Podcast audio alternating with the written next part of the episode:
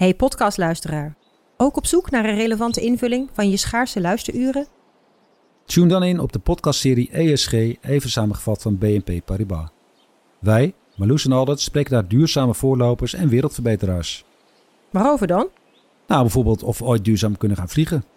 En waarom koeien in de stad nou een goed idee is?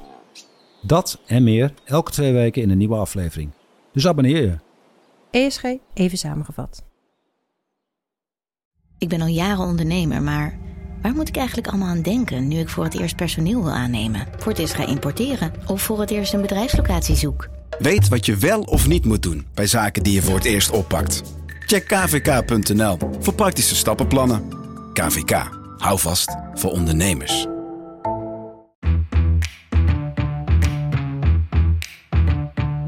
Dit is Haagse Zaken van NRC. Mijn naam is Lemia Aharwai. Is een onderwerp dat polariseert, dat leidt tot hoog oplopende discussies en waar zowel politiek als maatschappij niet over uitgepraat raken: migratie. Maar in die debatten en gesprekken loopt heel veel door elkaar. Arbeidsmigranten, kennismigranten, asielzoekers, statushouders. Wordt niet altijd een onderscheid ingemaakt. En ook in de vele, vele cijfers die er zijn, lijkt iedereen wat anders te lezen of iets anders te kiezen. In deze Haagse Zaken gaan we dit onderwerp voor jou ontwarren. Want wat zijn nou de cijfers? Wat kan Nederland eigenlijk zelf doen? En veranderen als het over migratie gaat? Aan welke afspraken zijn we verbonden en komen we die eigenlijk na? Ik praat erover met redacteur Migratie Floor Boon en Stefan Alonso, redacteur Buitenlandse Zaken. Hallo. Hallo allebei. Hallo. Dit onderwerp is sinds de vluchtelingencrisis in 2015 een soort van permanent aanwezig in Nederland, zowel politiek als maatschappelijk. Toch is het nu hyperactueel. Floor, waarom? Nou, er zijn eigenlijk meerdere redenen voor. Uh, internationaal zien we nu een crisis. De Griekse grens, die wordt, uh, de beelden die we nu zien, is dat er allerlei mensen vanuit Syrië, Turkije doorlopen en in Griekenland aankomen.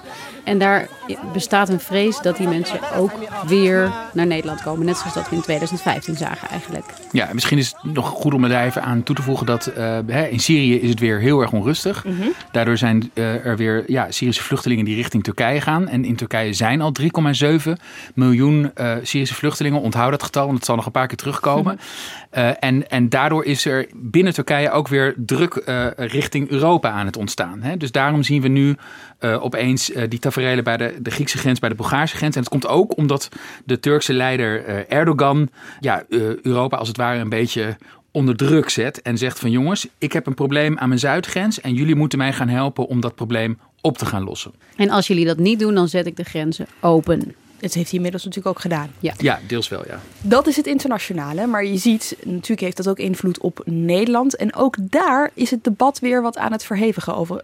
Is dat woord? Verhevigen.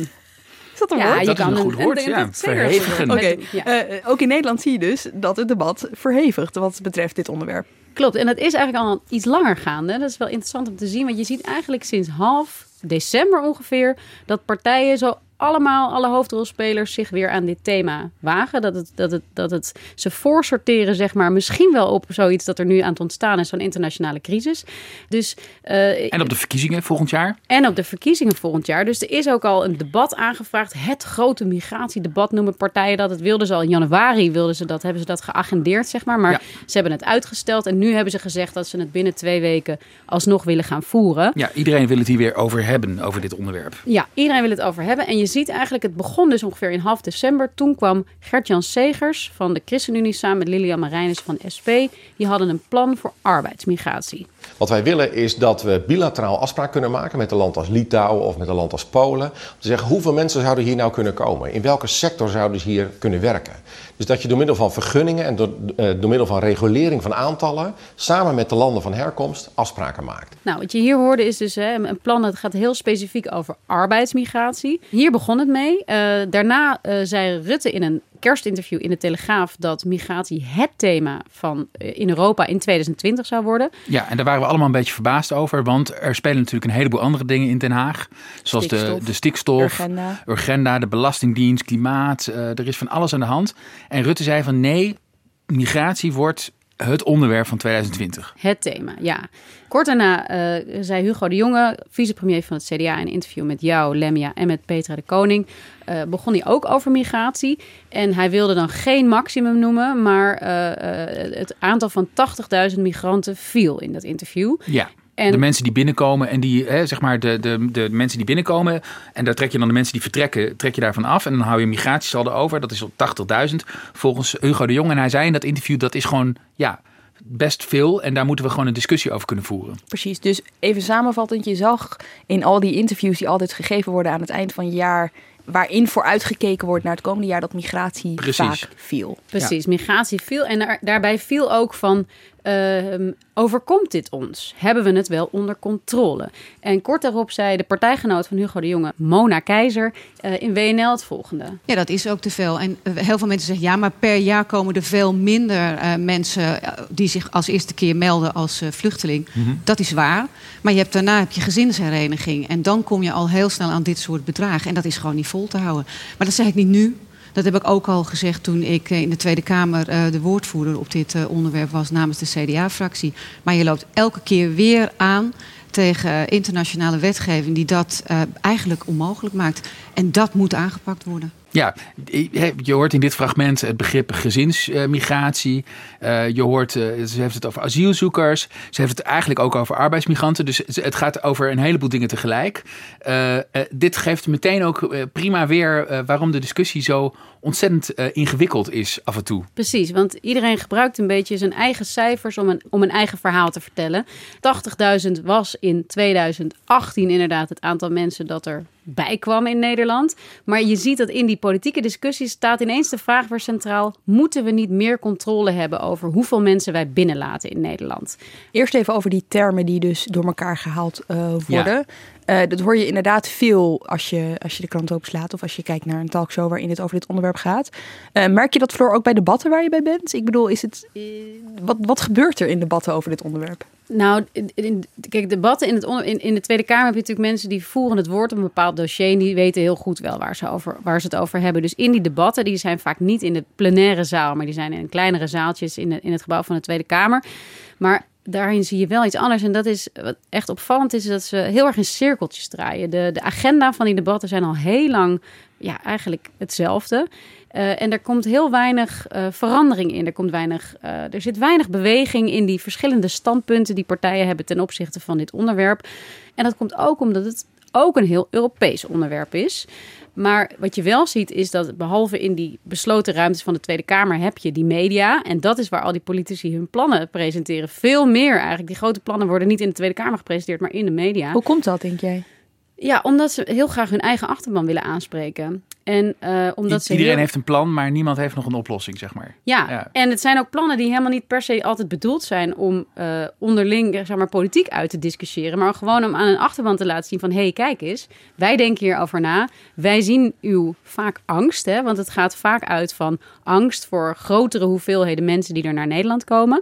En het interessante is dat op dit gebied waar zoveel feiten en cijfers over beschikbaar zijn. Eigenlijk alles wordt bijgehouden. Iedereen die naar binnen komt, waar ze vandaan komen, waarom ze hier naartoe komen, wanneer ze weer weggaan. En toch uh, is het debat vervuild in terminologie, maar ook in cijfers. Ja, en laten we daar nou eens even naar kijken. Laten we dat eens allemaal uit elkaar trekken. En laten we beginnen met de terminologie. Want als het gaat over de term migratie, dan gaat het eigenlijk over alles. Kun je het eens eerst uit elkaar gaan halen? Ik bedoel, over wat hebben we het? Ja, migratie is dus inderdaad eigenlijk iedereen die er naar Nederland komt. Uh, dan heb je het ook zelfs over immigratie, over wie komen hier dan wonen. Maar je hebt eigenlijk vier grote groepen migranten die naar Nederland komen. Je hebt arbeidsmigranten. Binnen de EU hebben we sowieso het vrije verkeer van personen. Dus uh, als jij in Polen woont of in, uh, of in Italië of in België, dan mag jij je vestigen in Nederland om een baan te zoeken. Dat is het grootste, eigenlijk de grootste groep van mensen die naar Nederland komt, zijn arbeidsmigranten. Dan heb je de asielmigranten. Dat zijn inderdaad de mensen die hier uh, komen en asiel aanvragen, omdat zij uh, aanspraak willen maken op de internationale bescherming waar Nederland zich aan heeft gecommitteerd in het vluchtelingenverdrag. Want, en dit is ook nog wel goed om uh, even heel basic uit te leggen, want de termen asielzoeker, vluchtelingen, statushouder, daar zit een verschil tussen, in ieder geval tussen de eerste en de tweede. Ja, asielzoekers zijn en alle mensen die uh, uh, asiel aanvragen in Nederland. Maar er zitten ook de groep mensen tussen die daar geen recht op hebben. Dus wat wij dan economische migranten noemen vaak. Maar zolang ze niet zijn afgewezen, zijn ze asielzoekers. Als je eenmaal een status hebt gekregen, dan word jij erkend als vluchteling. En dan word je een statushouder in Nederland. Dus een vluchteling is hetzelfde als een statushouder. En kan ik dan ook concluderen dat de groep asielzoekers per definitie altijd groter is dan het aantal vluchtelingen? Ja, zeker. Oké, dus dat was een andere groep. Ja, dan heb je een uh, wat kleinere groep kennismigranten. Die komen vaak uit Azië of uit uh, de Verenigde Staten. Uh, nou ja, uit allerlei dingen. Daar heeft Nederland heel erg strikte controle op, zeg maar. Ja, dat zijn dus mensen die dus echt door bedrijven worden uh, aangenomen om hier specialistisch werk uh, te verrichten. Dus vaak ook wat hoger opgeleide uh, mensen zijn dat. Die dus iets de kunnen. expats eigenlijk. Ja, en die iets kunnen die, wat, wat, wat wij niet kunnen, zeg maar. Ja. Simpel gezegd. En de studenten. En eigenlijk de allergrootste groep, dat zijn mensen die komen hier voor gezinshereniging. En dat zijn de mensen van zeg maar, de vluchtelingen en de arbeidsmigranten die in Nederland blijven die mogen onder bepaalde voorwaarden hun partners en kinderen naar Nederland halen. En, en dat, dat, is de, de grootste groep. Ja. Oké. Okay. Cijfers. Cijfers. En dan laten we beginnen bij het migratiesaldo. Ja, daar hadden we het net al even over. Ja. Migratiesaldo is eigenlijk, er komt een hele grote groep naar Nederland, maar er gaan ook heel veel mensen weer weg. En het verschil daartussen is het men, aantal mensen dat blijft in Nederland. Ja, en Hugo de Jong had het dus over 80.000. En dat is eigenlijk alweer een achterhaald cijfer. Ja, uh, ik, ik heb hier een mooi lijstje voor me. In 2017 zelfs was het aantal mensen dat in Nederland bleef 80.000. In 2019 is dat 115.000 volgens het CBS. En om even de trend te schetsen, dat aantal is wel echt fors gegroeid in de afgelopen jaren. Want in 2008 kwamen er nog 25.000 mensen naar Nederland. Ja, dus nieuw, hè, mensen die komen en daar trek je dan de mensen die vertrekken, trek je daarvan af en dan hou je deze getallen over. Waar vertrekken die mensen naartoe? Soms gaan we weer terug naar huis. Uh, mensen, kennismigranten, die gaan, komen hier een tijdje. Nederlanders die naar het buitenland gaan. Nederlanders die naar het buitenland gaan. Maar ook uh, soms uh, vluchtelingen, omdat hun eigen plek weer veilig okay. is geworden. Allerlei redenen. Oké. Okay. En um, die enorme groei tussen 2008 en nu, want daar kun je wel van spreken, hè, van 25.000 naar 115.000. Waar is dat grotendeels aan te danken? Nou, de grootste groei zit eigenlijk in die arbeidsmigratie. Ja. Uh, de, de asielmigratie, dus de vluchtelingen, zeg maar, blijft relatief stabiel. Uh, er zijn wel wat uitschieters hier en daar. Hier hebben we ook cijfers over. Ik pak even in mijn stapel. Je hebt een heleboel even... stapels voor je liggen, ja, dus valt genoeg te ongelooflijk, maar wat je dus Dat even... zegt meteen ook over hoeveel ja, cijfers er zijn. Hè? Je moet het allemaal maar paraat hebben en zo. Het is echt ongelooflijk. Voordat jij helemaal uitsplitst, weet ik in ieder geval dat in 2019 echt meer dan 50% arbeidsmigranten was. Ja, want wat je dus ziet, hè, de, de, het CBS houdt ook bij uh, de migratieachtergrond van immigranten. Uh, en dan zie je dus dat, um, dat, dat 51%, iets meer zelfs, van de migranten die dus naar Nederland komen, komt uit Europa. Hè, uh, dus daarvan kunnen we eigenlijk wel zeggen dat zijn waarschijnlijk allemaal arbeidsmigranten of mensen die met een arbeidsmigrant zijn meegekomen als gezin, zeg maar. Maar het zijn dus overwegend Europeanen die hier naartoe komen. Dat is natuurlijk heel interessant. Um, of voor uh, de liefde. Ja, ja, of voor de liefde. Dat kan natuurlijk altijd, altijd nog. Dat is emotioneel. Uh. Ja. en dan, dan, dan volgt daarna de tweede groep is uh, Azië. Um, dat is iets meer dan 19 procent. Uh, dan daar zit ook het Midden-Oosten bij, hè? Ja, precies. Dus, dat, ja, goed, dus daar zitten waarschijnlijk ook vluchtelingen en asielzoekers tussen dan, denk ik, toch? Ja. En vervolgens krijg je Amerika, interessant genoeg, dus 11,3 procent. dan komt Nederland, dus dat zijn Nederlanders die ooit vertrokken zijn en die weer terugkomen. Dus 9,2 procent. Echt 2019 hebben we het over. En dan, dan met 8%, iets minder zelfs, uh, hebben we Afrika. Uh, uh, dus, dus het, de kleinste groep. Het, ja, dus de, de, de, de, hè, je ziet natuurlijk vaak die, die, de, de, de beelden van de, de bootjes die, van, hè, die over de Middellandse Zee. en, en iedereen denkt dan van dat, dat, zijn, dat is de groep waar we het over hebben. Maar die groep is eigenlijk relatief klein hè, als je naar deze cijfers kijkt. Is grappig, want als je kijkt naar het politieke debat, Floor, dan is dat toch wel, daar gaat, daar gaat het vooral daarover. Ja, als je kijkt naar, als je, als je politici hoort, dan denk je heel vaak dat het eigenlijk alleen maar over de vluchtelingen gaat. En uh, elke partij heeft ook een beetje zijn eigen groep die die het meest adresseert. Zijn favoriete migrant, uh, zou je kunnen zeggen. Uh, de VVD heeft het bijvoorbeeld eigenlijk bijna exclusief over vluchtelingen. En dus niet over arbeidsmigranten. Want dat is een partij die veel ondernemers in de achterban heeft. En die gunt die mensen ook goedkope arbeidskrachten. Dus die richten zich met name op de asielmigranten. Dat merkte ik dus ook na dat interview met Hugo de Jonge. Bente Becker is het Kamerlid van de VVD die uh, dit onderwerp in haar portefeuille heeft.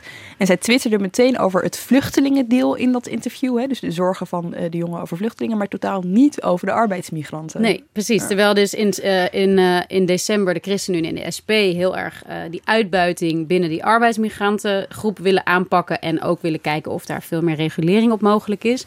Ja, weet je, zo heeft eigenlijk iedereen zijn eigen, zijn eigen groep die het meest aanspreekt bij de achterban. Of waar die ja, waarvan die partij denkt dat ze het zinnigste verhaal over kunnen vertellen. Ja, wat zie je aan de linkerkant van het politieke spectrum? Nou, aan de linkerkant gaat het een beetje over allebei eigenlijk. Kijk, bij D66, die kwam uh, een paar weken geleden ook met een plan. En dat ging ook over arbeidsmigratie, wat wel interessant was. Want uh, zij zitten dus weer helemaal aan de andere kant. En zij zeiden met het oog op de vergrijzing, die er ook gaat komen... en de vacatures met name in de zorg en het onderwijs... moeten we juist migranten naar Nederland gaan halen uit Afrika. Maarten Groothuizen bij Nieuwsuur. We moeten dus kijken of we een legale migratieweg kunnen openen om mensen die graag uh, naar Europa willen komen, uh, hier een tijd willen werken, dat kunnen we kunnen faciliteren. En dat we er zelf van profiteren, omdat we die mensen heel erg hard nodig hebben. Ja, een win-win situatie noem je dat.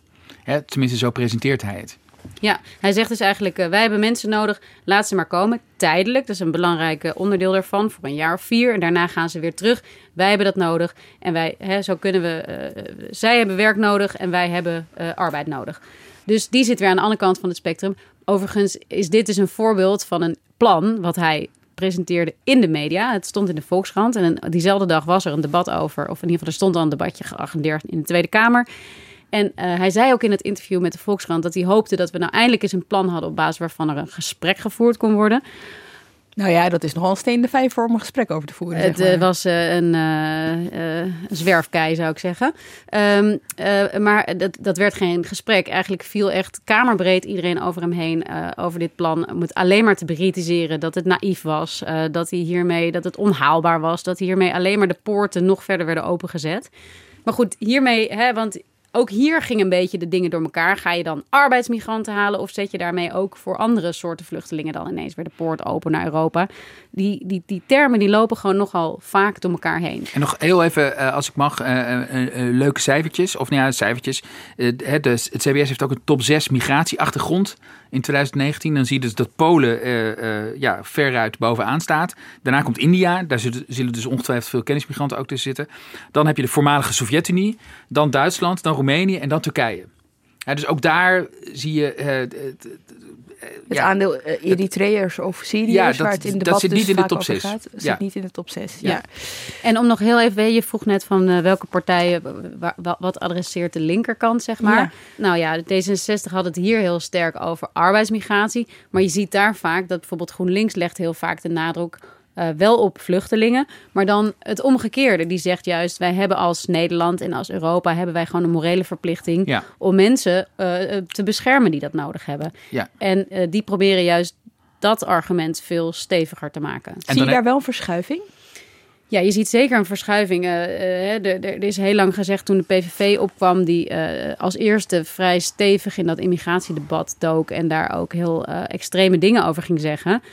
Toen was altijd het argument: links wil altijd maar de grenzen open en iedereen mag hier maar naartoe komen. Nou, dat geldt absoluut niet meer. Ook aan de linkerkant zijn mensen zich er zeer van doordrongen dat Nederland niet uh, eindeloos mensen kan opnemen. Dat het belangrijk is dat er regels zijn. Dat maar er... heeft links dat ooit echt gevonden? Nee, dat hebben ze nooit echt gevonden. Maar dat, uh, kijk, dat debat werd ook gevoerd in een tijd dat er veel minder mensen kwamen. Dus mm. het was ook veel minder... Uh, Urgent of zo. Ja, het, het, speelde helemaal niet zo eigenlijk. Ja. Dus hè, uh, nou ja, dat zijn de, de, de bepaalde groepen migranten waar die verschillende partijen zich op richten. Maar wat we al even aanstipten, maar wat echt belangrijk is om te bedenken, is dat waarom is migratie nou alweer zo'n belangrijk thema voor Nederlandse politie? Dat is gewoon ook omdat er volgend jaar verkiezingen zijn. Ja. Volgend jaar maart 2021 Tweede Kamerverkiezingen. En uh, ook al is migratie op dit moment niet het allerbelangrijkste thema voor de Nederlandse kiezer.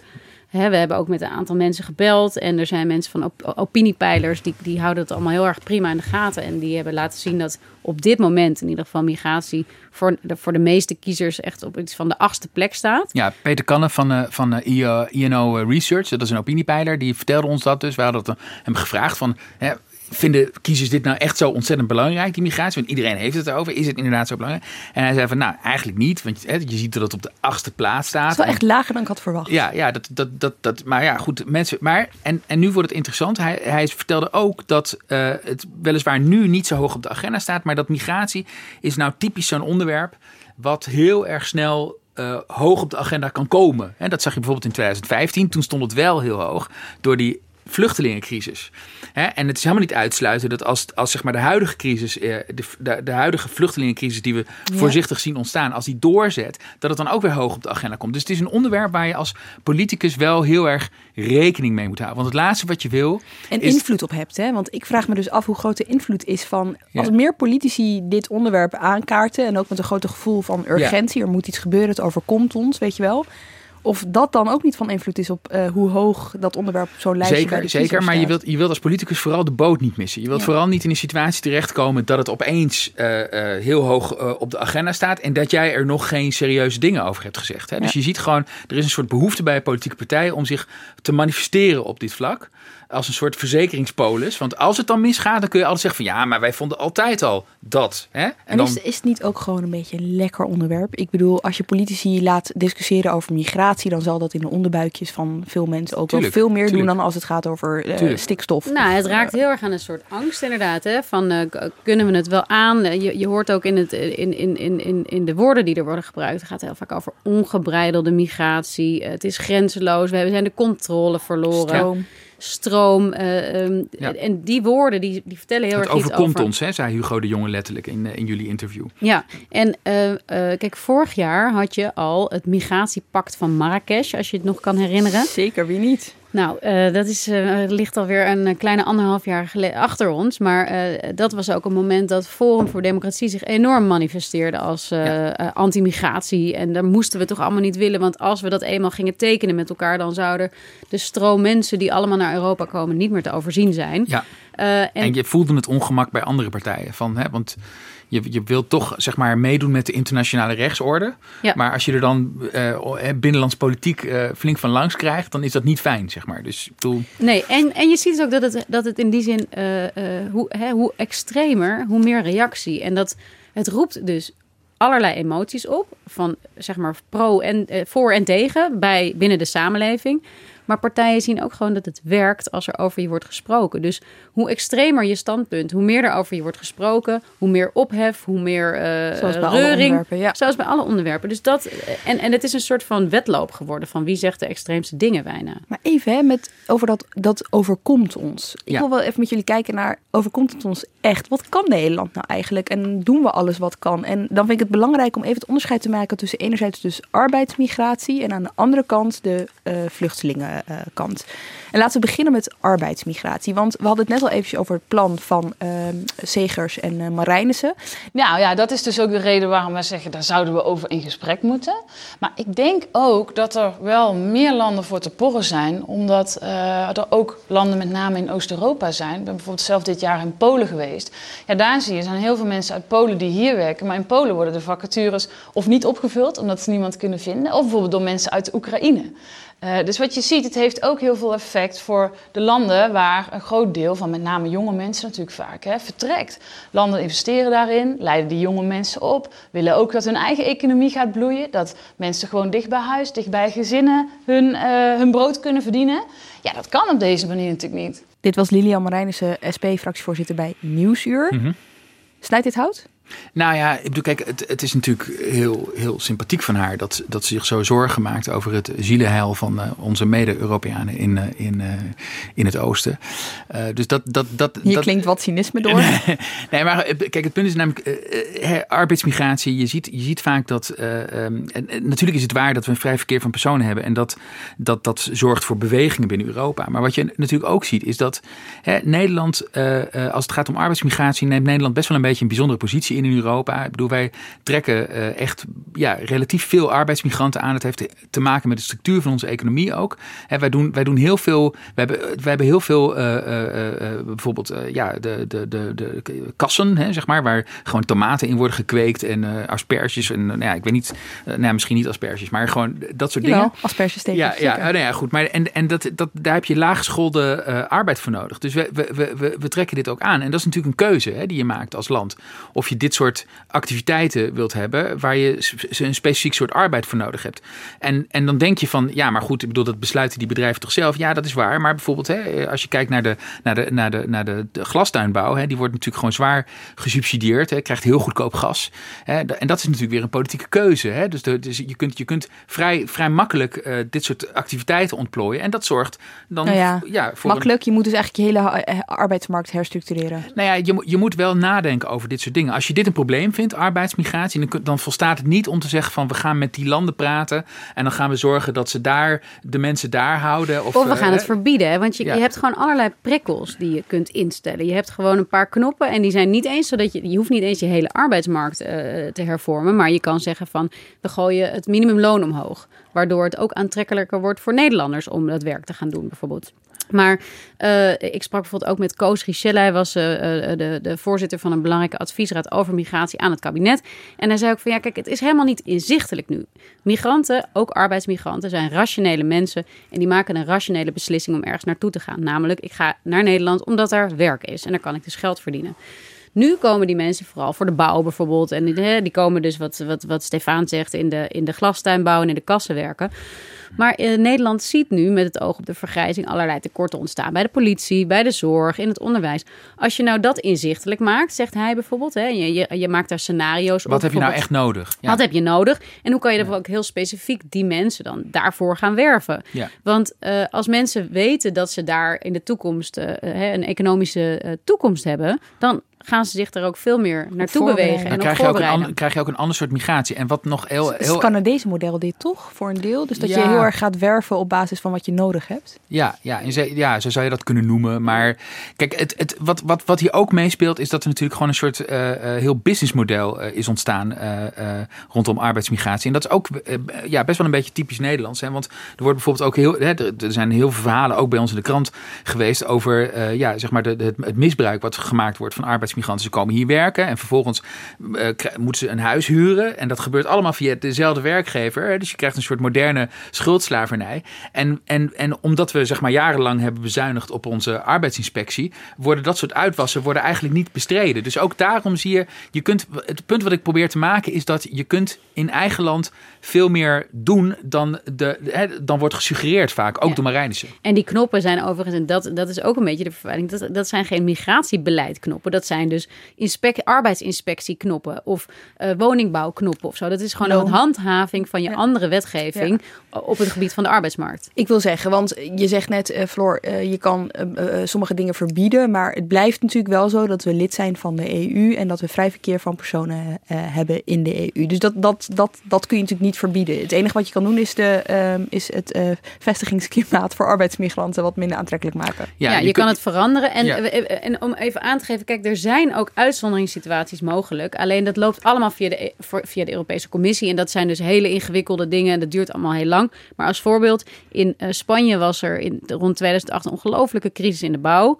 Eh, eh, er kwamen heel veel arbeidsmigranten vooruit Oost-Europa. Dus die, die, zeg maar, er waren te veel werknemers en er was niks meer te bouwen. Toen heeft Spanje tijdelijk een stop bedongen bij de Europese Commissie. Om te zeggen, we willen even tijdelijk die mensen niet meer hier. Want anders dan raakt onze eigen sector in crisis. Ja. En dat hebben ze toegezegd, of toegewezen. Omdat er ook veel werkloosheid was natuurlijk in Spanje. Precies, Ja, dus er was al een crisis, was Ja. werkeloosheid, was geen werk. En Mhm. toch waren er heel veel extra eh, arbeidsmigranten. Dus er zijn ook wel Europese mechanismen in plaats. Al werken die misschien soms langzaam, maar ze zijn er wel om een en ander recht te En even, als ik, als, ik, als ik mag, een hele kleine historische uitstap. Want in de aanloop naar het, naar het hele Brexit-gebeuren in Groot-Brittannië.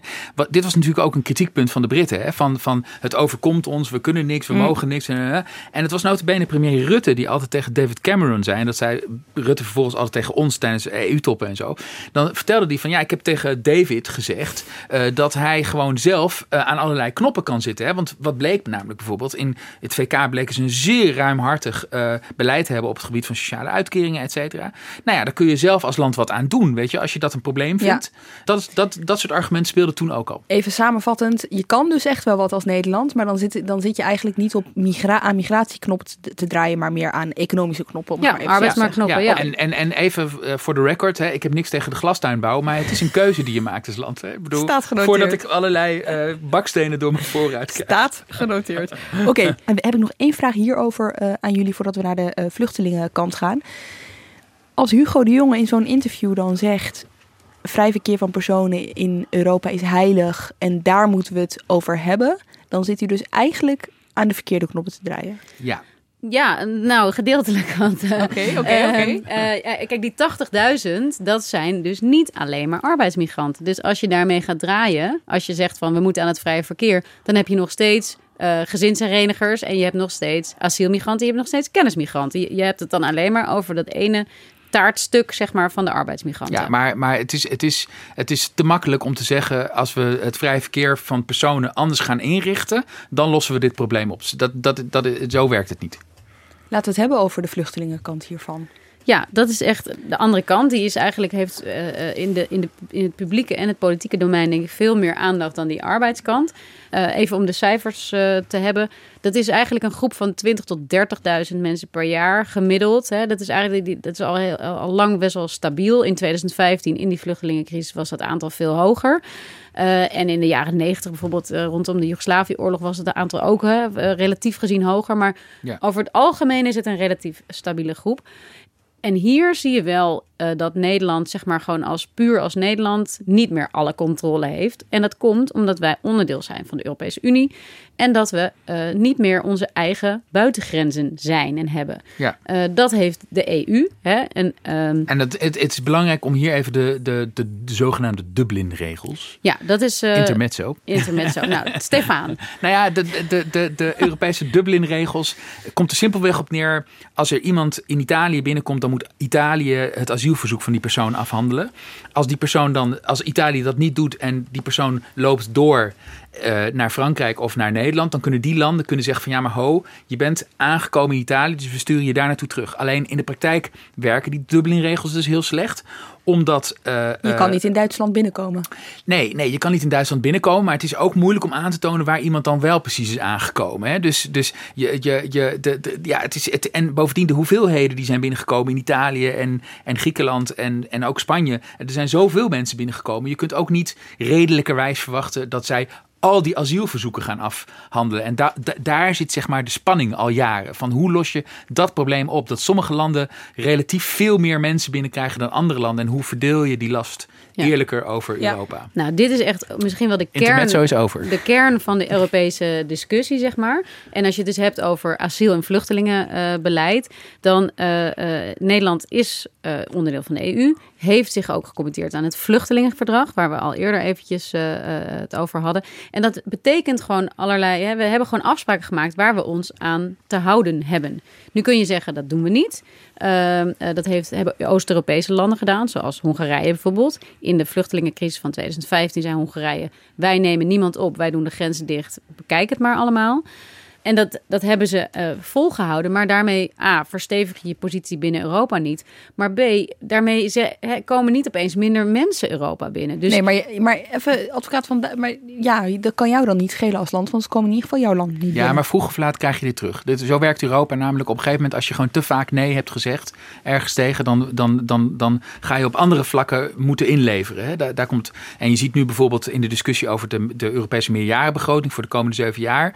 Hè, dan, dan, de, de, de bereidheid van West-Europese landen om zeg maar heel veel geld over te maken naar Oost-Europa is gewoon minder geworden. En dat heeft voor een belangrijk deel heeft die migratiecrisis en de weigerachtigheid van Oost-Europese landen, die heeft daar heel erg aan, aan, aan dat gevoel bijgedragen. Van we willen eigenlijk, ja, Dus- hè, dus dus, solidariteit gaat meerdere kanten op. Het is Dat niet zonder idee. gevolgen op het Het is niet zonder je- gevolgen. Nee, maar als je dus kijkt naar, want uh, het gaat vaak over, we zijn uh, de, uh, dat zeggen mensen dan, we zijn de controle kwijt op ons beleid. Dan gaat het vaak over het aantal vluchtelingen dat er, dat er in Nederland binnenkomt. En dat is ook waarom er nu met zoveel vrees naar Griekenland wordt gekeken.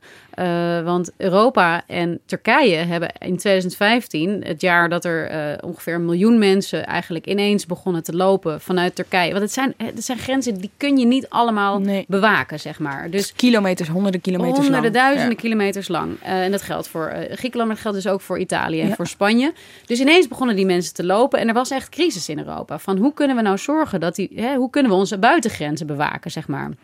Dit heeft heel veel politieke schade veroorzaakt ook. Hè? Bijvoorbeeld uh, uh, Merkel die had het over Weerschaffendas. Dat is haar later heel erg nagedragen. Hè? Want, uh, want ja, zij, zij, zij, kon dat wel zeggen. Maar, en dat, dat zorgde voor, voor een, een, een enthousiaste onthaal van vluchtelingen, et cetera, et cetera. Maar die vluchtelingen moesten wel door allerlei Balkanlanden... die opeens overspoeld werden met, met, met, met enorme groepen mensen. En die daar totaal niet op waren voorbereid. Dus ik bedoel, je, alles wat je doet in Europa... als jij zeg maar als individueel land iets doet, dan heeft dat meteen gevolgen ergens anders. Ja. ja het waterbedeffect. En hier zag je ook wat de oplossing voor die crisis was toen de EU-Turkije-deal. Die werd, eh, Nederland speelde daar, ja. of in ieder geval horen we hier altijd, dat Nederland daar een belangrijke rol bij bedacht. speelde. Het is toch bedacht? Rutte, nou, dat is niet Samsung, waar, maar, maar in ieder geval. We hebben, nee, was het niet Asmani? Nee, ja, plan Asmani nee. en toen uitgevoerd nee, nee, door. nee, maar goed, laten we daar even ja. de, de, de, de, veel bedenkers. Ja, goede, goede ideeën hebben vele, hebben vele, vele vaders. vaders. En ja. Rutte, Rutte heeft hier wel een belangrijke rol in, in gespeeld. Want Rutte heeft op een gegeven moment met Merkel dit eigenlijk allemaal afgetimmerd. De rest van de Europese leiders enigszins overvallen daarmee. Maar iedereen was eigenlijk wel blij, want er, was, er lag opeens een afspraak. Wat was het? Met, wat, wat, met die Turkije. Turkije-deal? Wat, wat, wat, wat houdt nou, het in? Het, het kwam er simpel. De Turkije-deal ging om, om afschrikking en om, en om, en om uh, uh, aantrekken, zeg maar. Dus het, het, het, het afschrikkingsgedeelte zat hem in het feit dat iedereen die Griekenland binnenkwam, mocht onder, de, onder die deal worden teruggestuurd naar Turkije. Uh, en dan, uh, dus, dus, dus de boodschap van Europa was heel duidelijk van... je kunt wel komen in een bootje, maar we sturen je terug naar Turkije. Dat was de boodschap, dat was het afschrikgedeelte. En tegelijkertijd zeiden de Europese landen... we gaan vanuit Turkije zelf, dus voordat mensen in een bootje stappen... gaan we mensen opnemen uh, richting Europa. Hè? Dus de Syrische vluchtelingen die in Turkije zitten... en dat zijn er dus miljoenen... Hè? Die, daarvan zou een deel zou worden overgebracht naar Europa. En Is dat die 3,5 miljoen die je helemaal aan het begin van deze uitzending noemde? Ja, ja dat waren er toen nog in, in de tijd... Hè, dat, dat dit speelde, waren het er nog 2 miljoen. Nu zijn het er 3,7. Dus het gaat echt om, echt om grote aantallen. Dat wordt vaak vergeten. Maar Turkije heeft hier een hele zware last uh, te dragen. Maar kreeg en, daar ook voor betaald, hè? En kreeg daar ook voor betaald. Want dat was nog een aspect van de, de Turkije-deal. Er zaten nog een aantal andere dingen in, maar dat, dat, dat te ver. Maar hè, Turkije kreeg ook 6 miljard euro om zeg maar, uh, de opvang van die vluchtelingen te regelen. Nou, en wat is, wat is er gebeurd? Eigenlijk die, de, op de papier zag die deal er eigenlijk best goed uit. Maar in de praktijk werkte die van, van geen meter. Nou, aan de voorkant werkte die wel in de zin van hè, de, de, Ja. de instroom stopte. Ja, en, En en, dat en, was en er wat- vielen ook geen doden meer op de Zee, weet je wel. Dat, Precies, dat, er ja. vielen geen doden meer, maar dat was echt heel erg belangrijk toen Ja, voor Europa. En zelfs bijvoorbeeld een partij als GroenLinks, die in eerste instantie heel kritisch was op überhaupt het sluiten van die deal, zegt nu, we zijn dan wel kritisch over de uitvoering nu, maar het is heel belangrijk dat die gesloten is, want het hielp. Want hè, ineens eh, was de buitengrens zeg maar weer beschermd in Griekenland. Maar aan de achterkant eh, werkt die niet. Want de- wat, wat Stefan vertelde van hè, de, de, de afspraak was dat Europese lidstaten evenredig eh, Syrische vluchtelingen zou, legaal, dus gewoon met een vliegtuig zou, zou overbrengen en zou hervestigen, zoals dat heet. Ja. Ehm, maar dat is in de praktijk, hè, zijn dat eigenlijk maar heel weinig mensen. Eh, Ja, de dus laatste sinds, eh, cijfers precies. Wanneer van was het ja, ook weer? 2019, Ja. dus, dus vorig jaar. Dus het laatste jaar weten we eigenlijk nog niet, want die zijn er Nee, nog nee, niet. nee, nee, nee. Sinds, sinds eh, sorry dat ik je onderbreek. Sinds de Turkije-deal zijn er meer, iets meer dan 20.000 Syrische vluchtelingen. Ja, maar dat, is bedoel, dat bedoelde ik ook. Ik bedoelde sinds 2016, toen die werd gesloten, tot en met 2000, eh, tot 2019 eigenlijk. Hè? Ja, Dus ja. ik heb daar even het afgelopen jaar niet bij. Toen Dus heeft, in drie jaar tijd zijn er 20.000 Syrische vluchtelingen Ja. verdeeld over Europa. ja, maar bedenk dat er dus 3,6 ongeveer miljoen 3,7. in ja, ja. Turkije zitten. Dus 20.000, 3,6 Dus het is, miljoen. het is, Maar wat was de afspraak? Nou ja, er zijn nooit hele harde afspraken. Het, het idee was een beetje van als, als Turkije vanuit Griekenland mensen terugneemt, even, zoveel mensen gaan dan richting Europa, zeg maar. Maar ja, dat, dat, dat, dat is eigenlijk ook allemaal heel, uh, uh, ja, heel erg tegengevallen in zekere zin. En wat je vooral moet onthouden aan dit hele verhaal is dat er dus de afgelopen drie jaar iets meer dan 20.000 mensen, uh, Syrische vluchtelingen uit Turkije naar Europa zijn gebracht. Terwijl er nog ja, bijna 4 miljoen in, in, in Turkije zelf zitten. Ja, en ook als je kijkt naar vorig jaar bijvoorbeeld. Want in eerste instantie droogde het aantal helemaal op. Dus er kwamen er da dagelijks duizend bootjes, duizenden mensen aan in Griekenland. Toen die deal werd gesloten was dat bijna nul. Maar in 2019 kwamen er weer 60.000 mensen aan uit Turkije in Griekenland. Dus die grens was niet meer helemaal dicht. Maar intussen gingen er echt maar uh, uh, nog geen uh, paar honderd terug naar Turkije. Dus uh, dat hele idee van iedereen die komt gaat terug, dat werkte niet meer. En die hervestiging gaat zo langzaam. Weet je, als je kijkt naar ja. Nederland. Nederland heeft in 2018 uh, 730 Syrische vluchtelingen hervestigd. Ja, dus, ja maar dat, dat aantal zegt me niet zoveel. Is dat, is dat dan, ja, je, je eerste reactie natuurlijk, dat is super weinig op een land ja, van dat, bijna... Dat, dat is echt super weinig. Nou ja, als je en, dus dat naast dat getal legt, we, hè, we hebben het de hele tijd over opvang in de regio bijvoorbeeld. Als het gaat over vluchtelingen, zegt eigenlijk alle politieke partijen zeggen altijd van uh, vluchtelingen moeten in de regio worden opgevangen. Nou ja, echt 95% van de vluchtelingen wereldwijd wordt opgevangen in de regio. Ja, en als in Turkije dus, namelijk. In Turkije. Weet je, als je nu kijkt naar dat aantal van 3, ik zeg 3,6 of 3,7, maar ja. uh, laten we zeggen uh, bijna 4 miljoen vluchtelingen. En Nederland heeft er in één jaar 730 opgenomen. Ja, dat, dat is, is, niet dat zoveel. Is, dat, is, dat is echt Maar kun je nu stellen, Stefan, dat die Turkije-deal gewoon niet werkt? Nou ja, kijk, het, het, uh, ja, hij, hij, ja, je kunt stellen dat hij heel slecht werkt in ieder geval. Toch, toch is er wel iets veranderd sinds 2015. Dat is namelijk de, de, uh, in 2015 was de buitengrens van Europa uitermate poreus. Hè? Je kon er gewoon vrij makkelijk doorheen. En, en je ziet dat nu, er is de afgelopen jaren enorm veel geïnvesteerd in Frontex, het Europese grensagentschap. Uh, en die helpen dan zeg maar de, het Griekse, de Griekse grensbewaking en de Bulgaarse grensbewaking, et cetera, et cetera.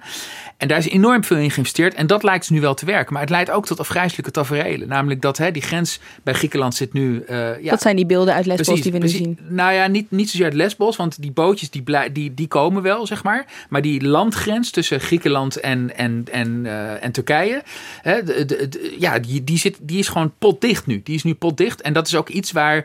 Ja, je ziet ook dat, dat, dat, dat de, de Europese Commissie en alle andere EU-instellingen... maar ook Nederland, die vinden dat vooral heel erg belangrijk. Dat die grens potdicht zit. Maar het punt is, je kunt een potdichte grens hebben, maar dan heb je nog steeds het probleem niet opgelost dat uh, Turkije gewoon een te zware last heeft om te dragen.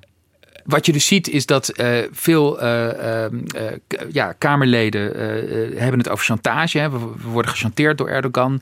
Erdogan dreigt met het doorlaten van vluchtelingen en wil allemaal dingen van ons, maar we laten ons niet chanteren. En het interessante was dat Rutte dat op een andere manier zei onlangs. Vindt u dat chanteren vanuit Turkije? Het heeft geen zin als ik dat soort woorden overneem, omdat ik daarmee niet bijdraag aan een noodzakelijke de-escalatie. Dus laat ik die woorden niet tot de mijne maken. Dit ja. was dus uh, bij uh, Fons Lambie, hè, uh, RTL Nieuws. Waarom wil hij dat woord niet gebruiken? Nou ja, omdat, omdat Rutte heeft natuurlijk, hij was een van de hoofdrolspelers bij de totstandkoming van de eerste uh, Turkije-deal. En hij weet ook gewoon dat als hij die deal overeind wil houden, of als hij een nieuwe deal wil sluiten, dat hij Erdogan dan hoe dan ook nodig heeft. Hè? Ik bedoel, je kunt, je kunt van alles vinden van Erdogan en hij doet natuurlijk allemaal vreselijke dingen. Uh, uh, maar uh, we hebben hem gewoon wel nodig. We kunnen niet zonder hem als we dit probleem willen oplossen. En misschien, hè, Rutte die in het kerstinterview met de Telegraaf zei dat migratie het onderwerp van 2020 zou worden.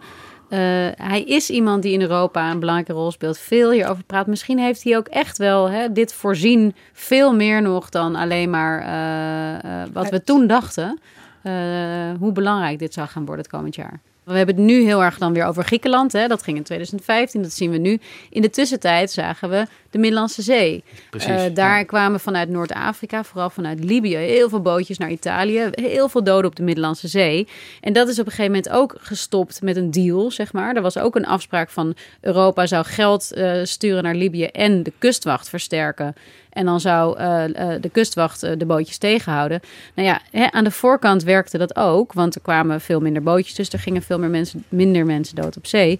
Maar aan de achterkant zag je dus dat er allerlei vluchtelingen werden teruggestuurd naar Libië. Een land wat volledig in puin lag. En waar mensen gewoon eigenlijk in, ja, dat noemden ze detentiecentra. Maar er zijn, waren gewoon gevangenissen werden gestopt waar ze werden gemarteld. Dus wat is de prijs van uh, je, je buitengrenzen bewaken en op welke manier? En dat zijn vragen die heel fundamenteel zijn in Europa. En wat je nu ook ziet, is dat, uh, en dat, dat speelt ook door in het Nederlandse migratiebeleid, is dat in 2015 was iedereen in paniek. Die deal kwam en iedereen was, e-, was heel blij dat er in ieder geval even geen mensen meer Europa binnenkwamen. En dus ook niet zoveel meer Nederland in de tussentijd, want we zijn natuurlijk nu wel vier jaar verder, was de verwachting en de hoop en eigenlijk de noodzaak dat Europa een gezamenlijk migratiebeleid zou gaan ontwikkelen ja. om een duurzame oplossing te verzinnen, zodat niet al die achter, om de regie en niet die achterkant van ja. die deals die dus heel slecht is, om die te verbeteren. Want, maar intussen is er niets gebeurd in Europa, echt helemaal niets. Dat debat ligt nog steeds helemaal vast. Uh, hè, er is nu weer een nieuwe commissie, die hebben nu weer plannen voor een nieuw migratiepact. Maar ook in Nederland zie je dus, als ik hier in de, in de Tweede Kamer luister, is daar dus heel veel frustratie over. Van ja, we kunnen hier in Nederland wel uh, dingen bedenken, maar. Uh, je bent ja. echt overgeleverd aan wat er Europees gedaan wordt. Nou ja, overgeleverd. Nederland is daar zelf ook onderdeel Precies. van. Hè? Dus Nederland kan ook zelf zeggen van uh, wij gaan de regie proberen te nemen. Of we gaan kijken waar we dingen los kunnen trekken. Of iedereen kan wel volhar volharden in zijn eigen standpunt en zeggen wij willen geen mens meer. Maar daarmee heb je niet het probleem opgelost. Ja, dus als ik het goed, um, als ik het goed samenvat en dan pak ik even arbeidsmigratie er weer bij. Daar kan Nederland wel degelijk zelf aan knoppen draaien. Um, laat ik het zo zeggen, nationaal aan knoppen draaien om, uh, die, uh, om het aantal te verlagen. Maar waar het gaat om vluchtelingen zal Nederland een ja, meer een grotere rol moeten gaan opeisen in Europa. Of in ieder geval ja, meer of, moeten gaan doen. Ja, dat, de, kijk, de, de bottom line is, uh, de EU, uh, uh, de, de wens om regie te hebben over migratie is een, een best wel legitieme wens, denk ik. Hè? Ik bedoel, het, het is beter om te weten wie er binnenkomt dan, dan niet te weten wie er binnenkomt. En het allemaal maar aan het noodlot over ja. te laten, zeg maar. Dus dat, dat, dat is logisch. Maar je bent dus inderdaad heel erg afhankelijk van, van die Europese samenwerking. En ja, dat is gewoon een enorm hoofdpijndossier, nog steeds. Ja, misschien. Uh, je en dat ziet is voor namelijk... vluchtelingen is dat heel tragisch. Hè? Ik bedoel, of nou ja, niet voor vluchtelingen, voor Syrische vluchtelingen, voor, voor de mensen die uit Noord-Afrika komen, is dat natuurlijk ook heel, heel, heel, uh, heel tragisch. Want de, de nadruk ligt op tegenhouden, tegenhouden, tegenhouden. En de, er is geen plan, zeg maar, om. Want Europa ligt waar het ligt. Hè? De, aan alle kanten zijn er brandhaarden, zijn er oorlogen.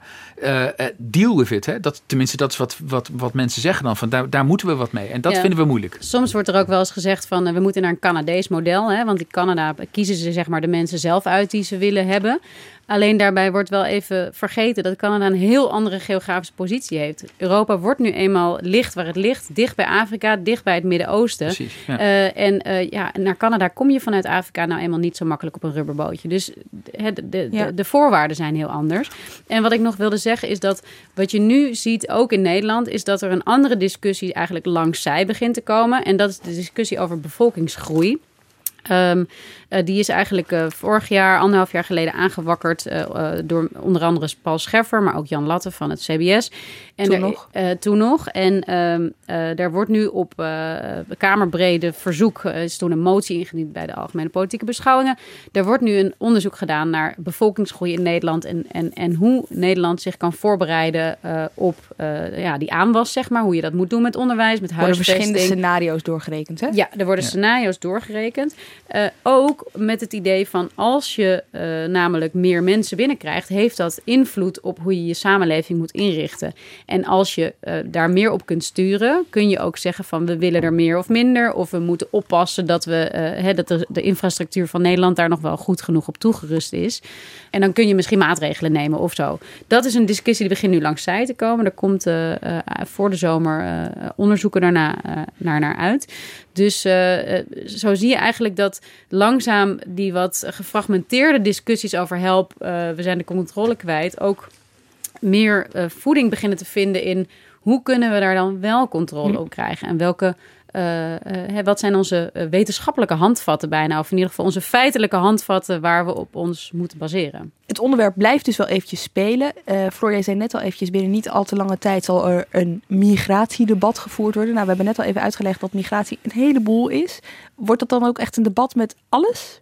Over alles? Nou ja, weet je, uh, dat wordt nu echt met alles volgens mij. Want, uh, dus van arbeidsmigrant tot kennismigrant tot vluchteling. Ja, ja en dan ook nog eens, hè, als je het hebt over de debatten, hier gaat het vaak over hoe uh, moet de IND, de Immigratie- en Naturalisatiedienst, waar het een totale chaos is, het aantal opvangplekken wat, waarop is bezuinigd, maar waar er nu weer meer moeten komen, overlastgevende asielzoekers, zoals ze dat noemen. Dus dat zijn allemaal veel meer de binnenlandse uh, problemen, zeg maar. En die ook heel erg gaan over registratie, toekenning van visa en opvang. En dus niet over een soort van groot plan van hoe willen we hier bijna in de toekomst mee omgaan, weet je wel? Een soort van vooruitdenken van hoe gaan we met dit onderwerp. Nee, maar dat komt ook omdat dat is toch echt iets Europees is. Want Nederland kan wel bedenken wat Griekenland moet doen, maar dat is wel heel onhandig als Griekenland daar niet dus, bij aan tafel zit. Maar dus niet als het uh, arbeidsmigratie betreft. Nee, daar, uh, maar daar gaat het bijzonder weinig over in de migratiedebatten in de Tweede Kamer.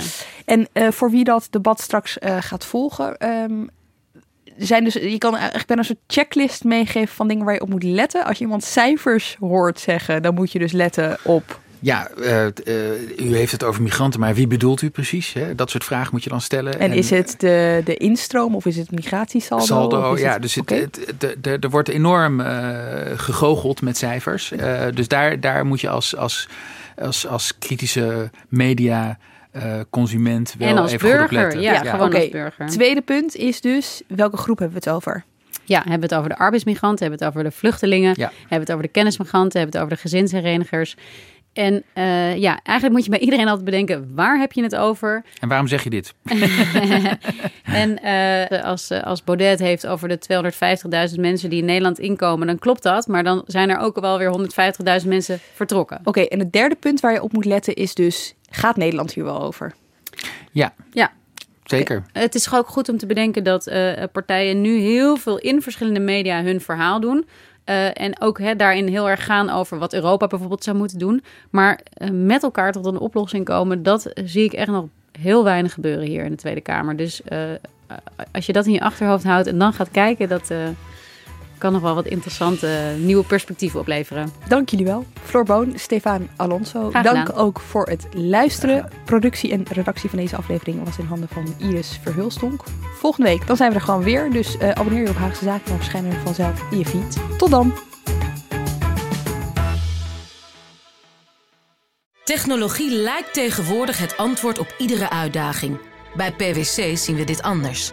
Als we de potentie van technologie willen benutten kunnen we niet zonder een menselijk perspectief. Human-led, tech-powered noemen we dat. Ga naar pwc.nl.